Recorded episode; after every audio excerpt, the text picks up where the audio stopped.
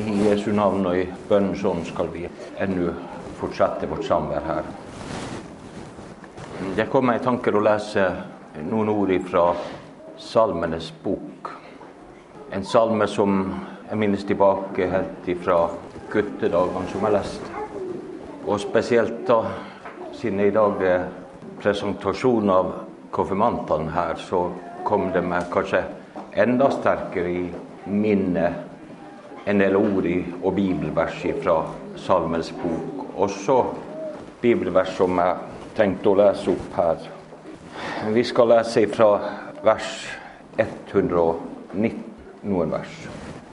Det er sånn at Bibelens lengste salme det er nettopp denne salme 119. Det hebraiske alfabet bestod av 22 bokstaver.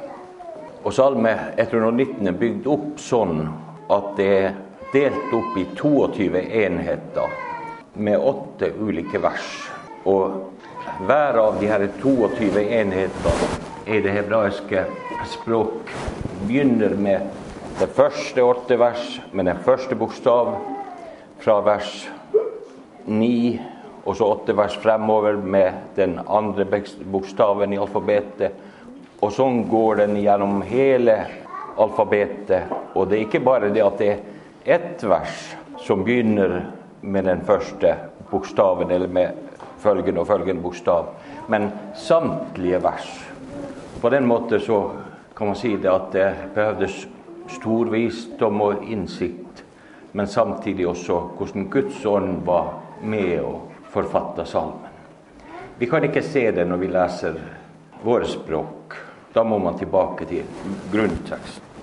En annen sak også med Salme 119 det at den deler Guds ord inn i syv ulike deler. Og jeg har lest den fra ungdommen av, ifra jeg var spesielt fra 21 års alder, når jeg som voksen fikk nåde å komme tilbake til kristenheten. Så har jeg lest den salmen mange, mange hundre ganger. Og alltid så har jeg syntes at den har utrolig mye å, å gi meg. Vi skal litt komme inn på hvilke betegnelser salmen bruker for Guds ord. Men sånn som man tenker når salmisten henviser til Guds ord, til Bibelen, til loven, til befalingene, til forskriftene osv. Så, videre. så i utgangspunktet var det til det som jødene kaller for Tora, eller alle Mosebøker. Tora betyr jo enten bare de ti bud, men det betyr også, som jeg nevnte, hele alle fem Mosebøker. Men samtidig også kan det bety både Mosebøkene og profetene og Salmenes bok. Og for jødene er det jo sånn at fortsatt en dag i dag så har de ingen Nye testamentet. For jødene eksisterer ikke noe Nye testament. De tror jo heller ikke på Jesus på den måte at han kom og forsonte verdens synd, at han for til himmelen, og at han skal komme for å dømme levende og døde. Men de venter han på samme måte som de fordums hellige ved Jesu komme, da at de venta. Han som profetene hadde talt om, skulle, skulle da komme. Vi leser her fra vers 9 til vers 18. Ordene lyder i Jesu navn. Hvorledes skal en unge holde sin sti ren? Ved å holde seg til ditt ord. Av hele mitt hjerte har jeg søkt deg. La meg ikke fare vill ifra dine bud. I mitt hjerte har jeg gjemt ditt ord for at jeg ikke skal synde imot deg. Lovet være du, Herre. Lær meg dine forskrifter. Med mine lepper har jeg regnet opp alle din munnsdommer. På dine vitnesbyrds vei har jeg frydet meg, ja, som over all rikdom. Dine, befalinger vil jeg grunne på, og jeg vil utforske dine stier. Ved dine forskrifter vil jeg fryde meg, jeg vil ikke glemme ditt ord. Gi din tjener overflod, så jeg kan leve av å holde ditt ord. Åpne mine øyne så jeg kan utforske underfulle sannheter i ditt din lov. Dette var ditt ord, Hellige Fader. Hellige du oss i din sannhet. Ditt ord er evig sannhet. Amen.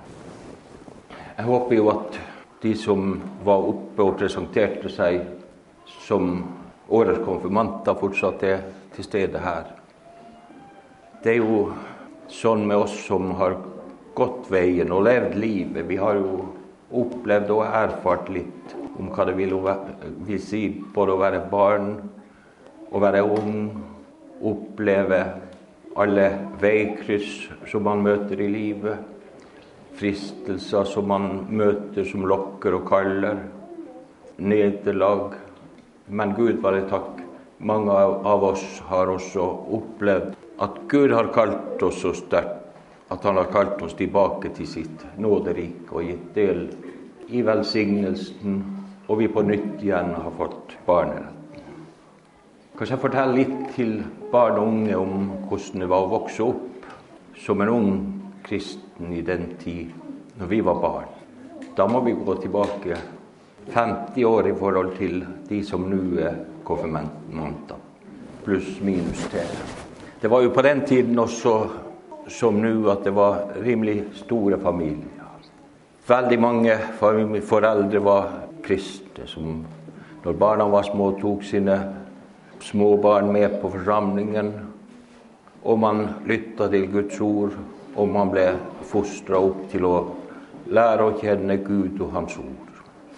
Det er jo sånn som vi også leser fra 5. Moseboken, hvordan Moses ble underviste hans samtidige at Guds ord var ikke noe som man bare skulle gjøre seg kjent med å lese og samtale om under de store høytidene. I påskehøytiden, pinsehøytiden, løvhyttehøytiden osv. Guds ord var heller ikke noe som man bare skulle lese og gjøre seg kjent med når de hadde sabbat, altså tilsvarende våre søndager. Guds ord var ikke noe som man bare skulle la bo hos seg en gang i løpet av døgnet. F.eks. når man la barn for å sove, at man da la Herrens velsignelse. At man da leste ulike bønner sånn som de gjorde det.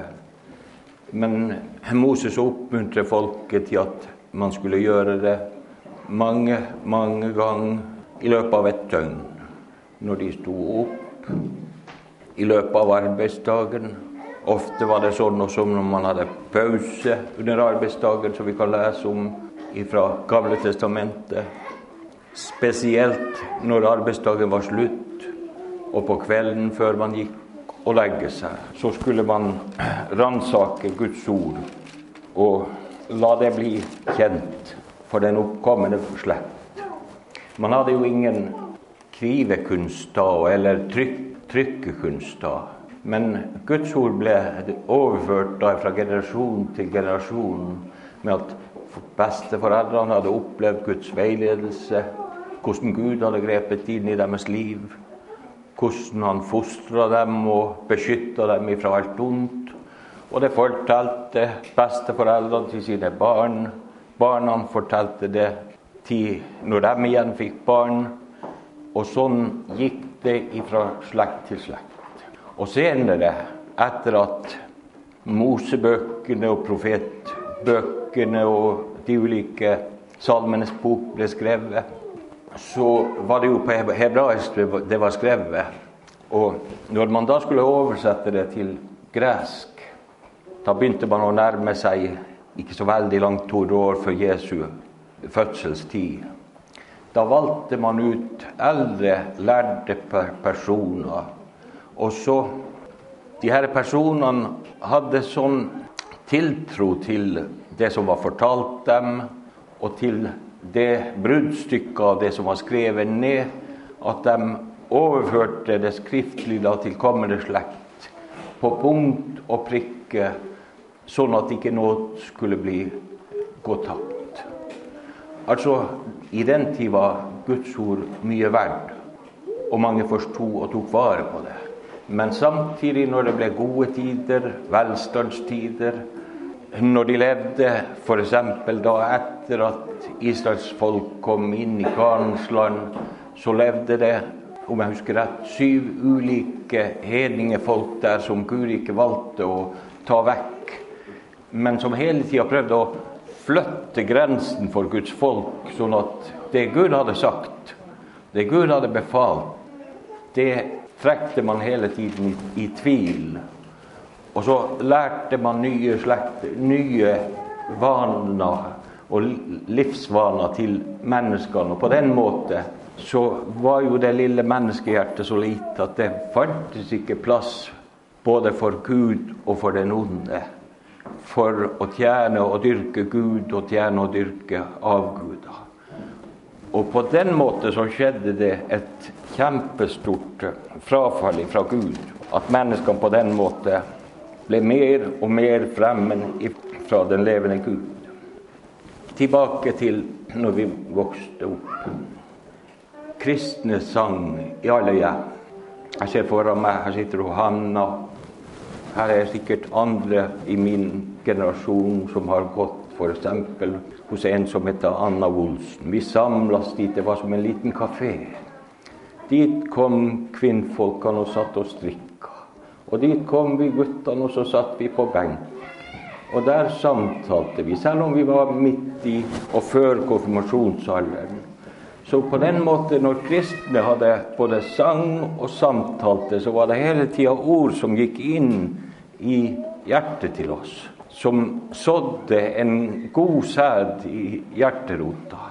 Og det var ikke bare ett hjem, men det var hjem etter hjem at man sang sånn som også på den tida når jeg kom til troen på begynnelsen av 70-tallet. Vi hadde ikke noen stor ungdomsvekkelse da, men vi var ganske mange av oss nå som har blitt bevart inntil i dag, som nå er på bedehuset i dag. Og vi hadde Arthur Hatt Hansen sin åndelige sanger. Og vi sang den fra A til Å, gang etter gang, sånn at vi omtrent kunne det meste utenat. Og da vi begynte å reise til Kottøyen og reise på møtene til Pajala og til Finland, så lærte vi oss Sionsanger. Og de satte seg så fast i, i, minnet til oss at de kan vi også veldig mye utenat. Og så hadde vi enda mange av oss som vokste opp i et trespråkig område her. F.eks. hjemme hos oss sang man finsk, sånn at jeg fortsatt en dag i dag har, kan utenat i alle fall etter eldre oversettelser, utrolig mange av de her Sionin laulut ja virret. Og det tenker jeg det var bra. Jeg har enda lyst til å løfte frem, uten å kanskje nevne navn, jeg skal nevne navn på én.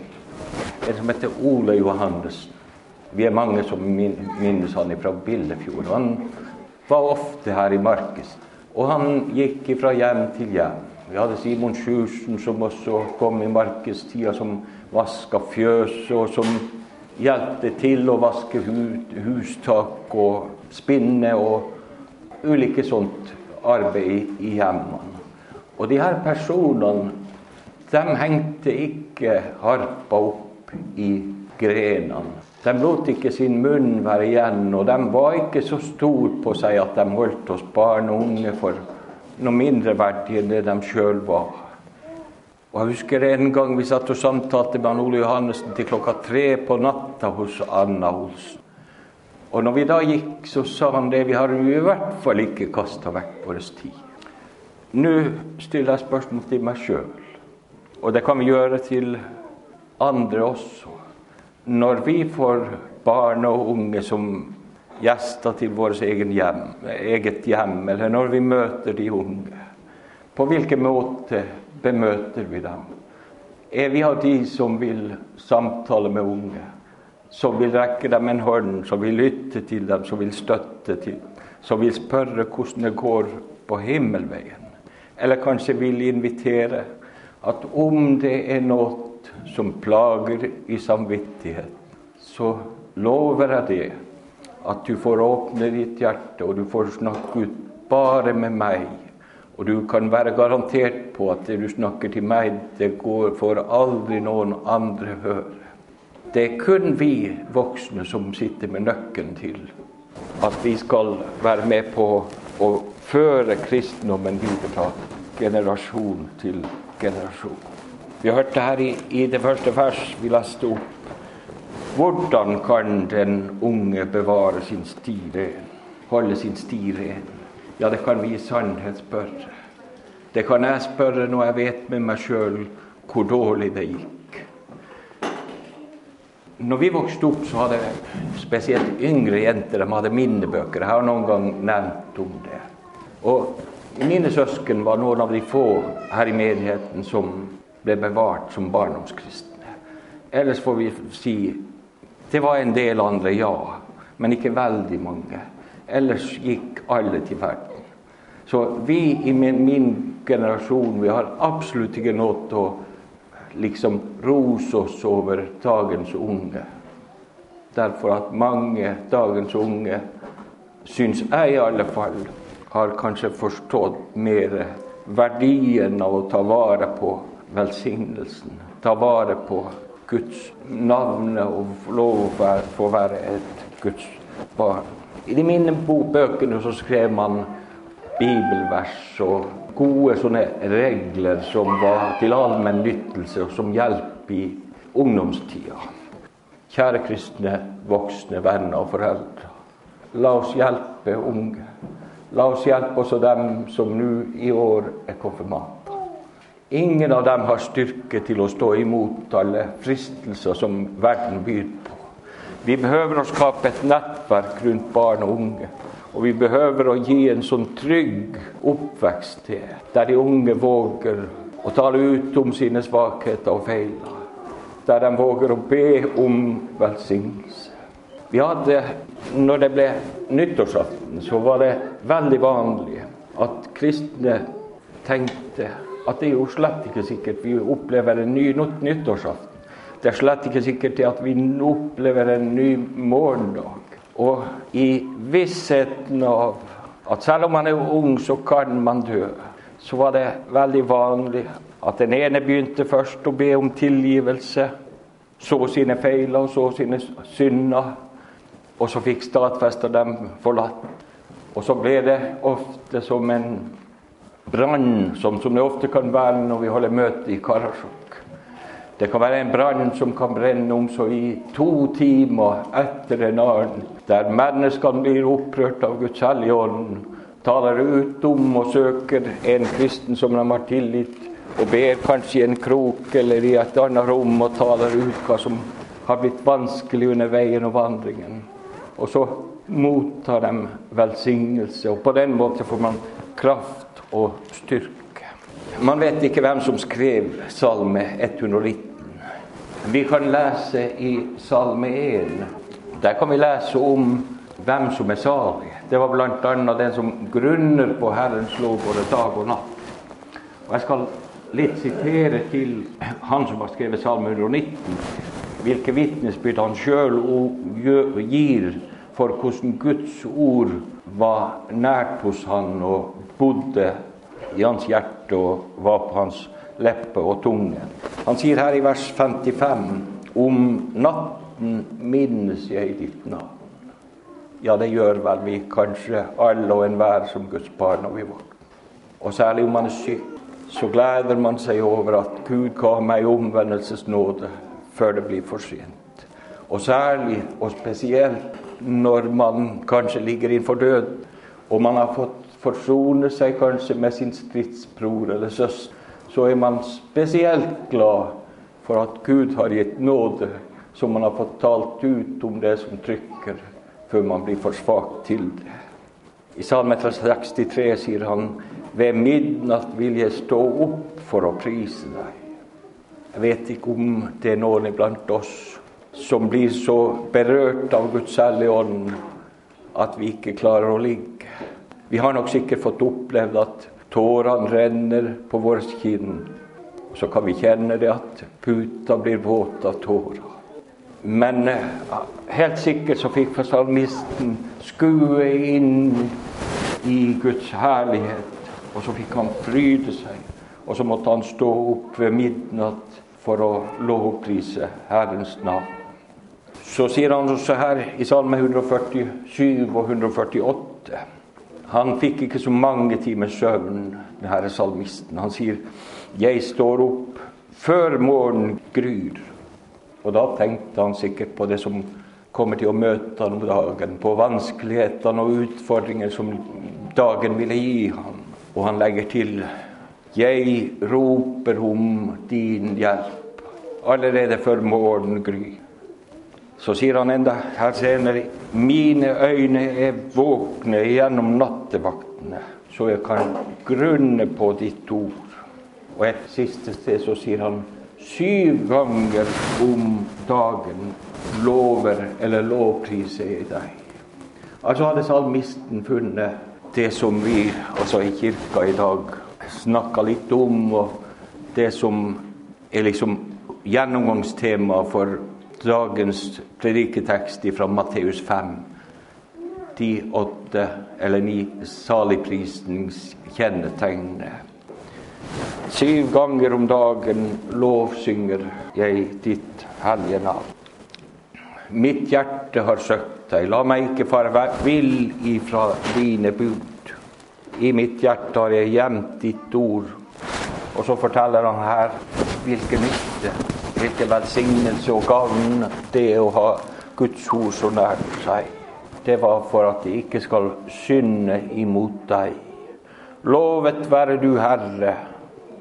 Men han hadde ikke lært nok og dypt nok å kjenne Herren, og derfor så ber han her. Herre, lær meg dine forskrifter. Med mine lepper har jeg regnet opp alle dine munn, munnsdommer. Dine vitnesbyrd Svei har jeg frydet meg som over all rit. Og i vers 15.: Dine befalinger vil jeg grunne på, og jeg vil utforske dine stier. Ved dine forskrifter vil jeg fryde meg, jeg vil ikke glemme ditt ord. Og så hørte vi at en del av de her syv ulike måtene salmisten hadde for å uttrykke Guds ord på, kom frem. Han nevner bl.a i den ene og samme salmen Guds ord så mye som 42 ulike tilfeller. Han nevner om Guds bud, alle de her ca. i snitt 25 ganger. Om Guds lov, om Guds befalinger, om Guds vitnesbyrd og forskrifter og dom. Og det som i alle fall Jeg har begynt å tenke og lese litt på denne teksten her. Og nå oppdaga det at Tora altså loven var det som salmisten nå fryda seg i, så slo det meg at er det virkelig sant? Er Skriften, Det gamle testamentet og Moselov, så inneholder det virkelig en så stor velsignelse og rikdom og skatt at hjertet kan fryde seg og lovprise Gud. Ja, i sannhet. Jeg måtte begynne å lese fra første Mosebok gjennom Mosebøkene. Og så oppdaget jeg det at man taler om Gud, Han som er nådig og barmhjertig og langmodig, som ikke går de rette imot de som angrer sin synd, men som søker sin trøst og sin tilflukt hos ham. Det tales om Guds trofasthet, om hvordan Hans ord er en evig sannhet som aldri skal svikte. Men når jeg ser eller leste en som hadde kjennskap til grunnteksten, både hebraisk og, og gresk, så syntes jeg det da fant jeg svar på det som var hemmeligheten i hvorfor Gud, Guds hellige ånd på en så mangfoldig måte, på en syvfoldig måte, som er fullkommenhetens tall, som er Guds tall, på den måte vil beskrive velsignelsen av Guds ord. Og det, hemmeligheten ligger i det at ordet har alle de her syv synonymene. Og synonymer er jo ulike ord som betyr det samme, med bare små betydningsvariasjoner. Men ikke bare det. At når man de her 70 lærde skulle oversette Gamle testamentet til gresk, så benytta man nøyaktig samme ord for flere av de her synonymene som brukes om Jesus, om Kristus, Guds sønn. Altså hvis vi skulle lest opp på nytt i stedet for, Så kunne vi sette, sette inn Jesus i stedet for de her ulike ordene som står for Guds ord. Og da kan vi virkelig forstå hvilke gavepakke og hvilke velsignelse Gud har gitt til oss i Jesus Kristus. Og om bare denne hemmeligheten kunne gått opp for oss. Da ville ikke vi la Bibelen, Guds ord, heller ligge på bokhylla og, og støve ned. Da ville vi heller ikke nedprioritert lesing av Guds ord og åndelig litteratur, sånn at det alltid kommer i siste liten, og når vi er så trøtte at like før vi sovner. Men da vil vi kunne få våre øyne åpna til å se at hvilke velsigna skatter som Gud har skjult i Skriften. Men ikke bare det. Hvordan Jesus Kristus er som en rød tråd både gjennom hele Det gamle testamentet, gjennom Moses, som Jesus sier når han samtaler også med de skriftlærde, som ransaka Skriftene og trodde at i dem har de evig liv. Men så måtte Jesus refse dem og si men til meg kommer de ikke for at ikke han skal gi dem det evige livet. Eller som vi leser fra Lukas evangeliums 24. kapittel om når Jesus vandra sammen med de to som var på vei imot Emmaus. Så fortelles det at han begynte fra Moses og alle profetene. Og så utla han for dem alt som var skrevet om dem. Og når profetiene om Kristus ble dyrebar for de her Emmausveisvandrerne, og Jesus forklarte innholdet der han var selve innholdet og kjernen i det, så står det skrevet at de måtte si brente ikke våre hjerter i oss når, talte, når han talte til oss og utla Skriftene for oss. Salmisten håpa inderlig at han skulle få leve. Leve ved Guds ord. Og håpa det at han skulle få holde fast i Guds ord. Og så avslutter han med en bønn som også får være vår bønn. Åpne du mine øyne, så jeg kan utforske de underfulle sannheter i, i din lov, eller i ditt hellige ord. Himmelske Fader, må du åpenbare også for oss alt du har skjult for oss i Jesus Kristus. Bevar oss hos deg, og må du holde din beskyttelse spesielt over barn og unge i vår forsamling. Må du hjelpe oss til at vi kunne være gode støtter og medvandrere som kunne hjelpe dem, så, så de kunne få bli bevart hos deg. Og sammen med alle oss voksne en gang få komme hjem til din himmelske herlighet, der vi alle skal få love, takke og prise deg i Jesu navn. Amen.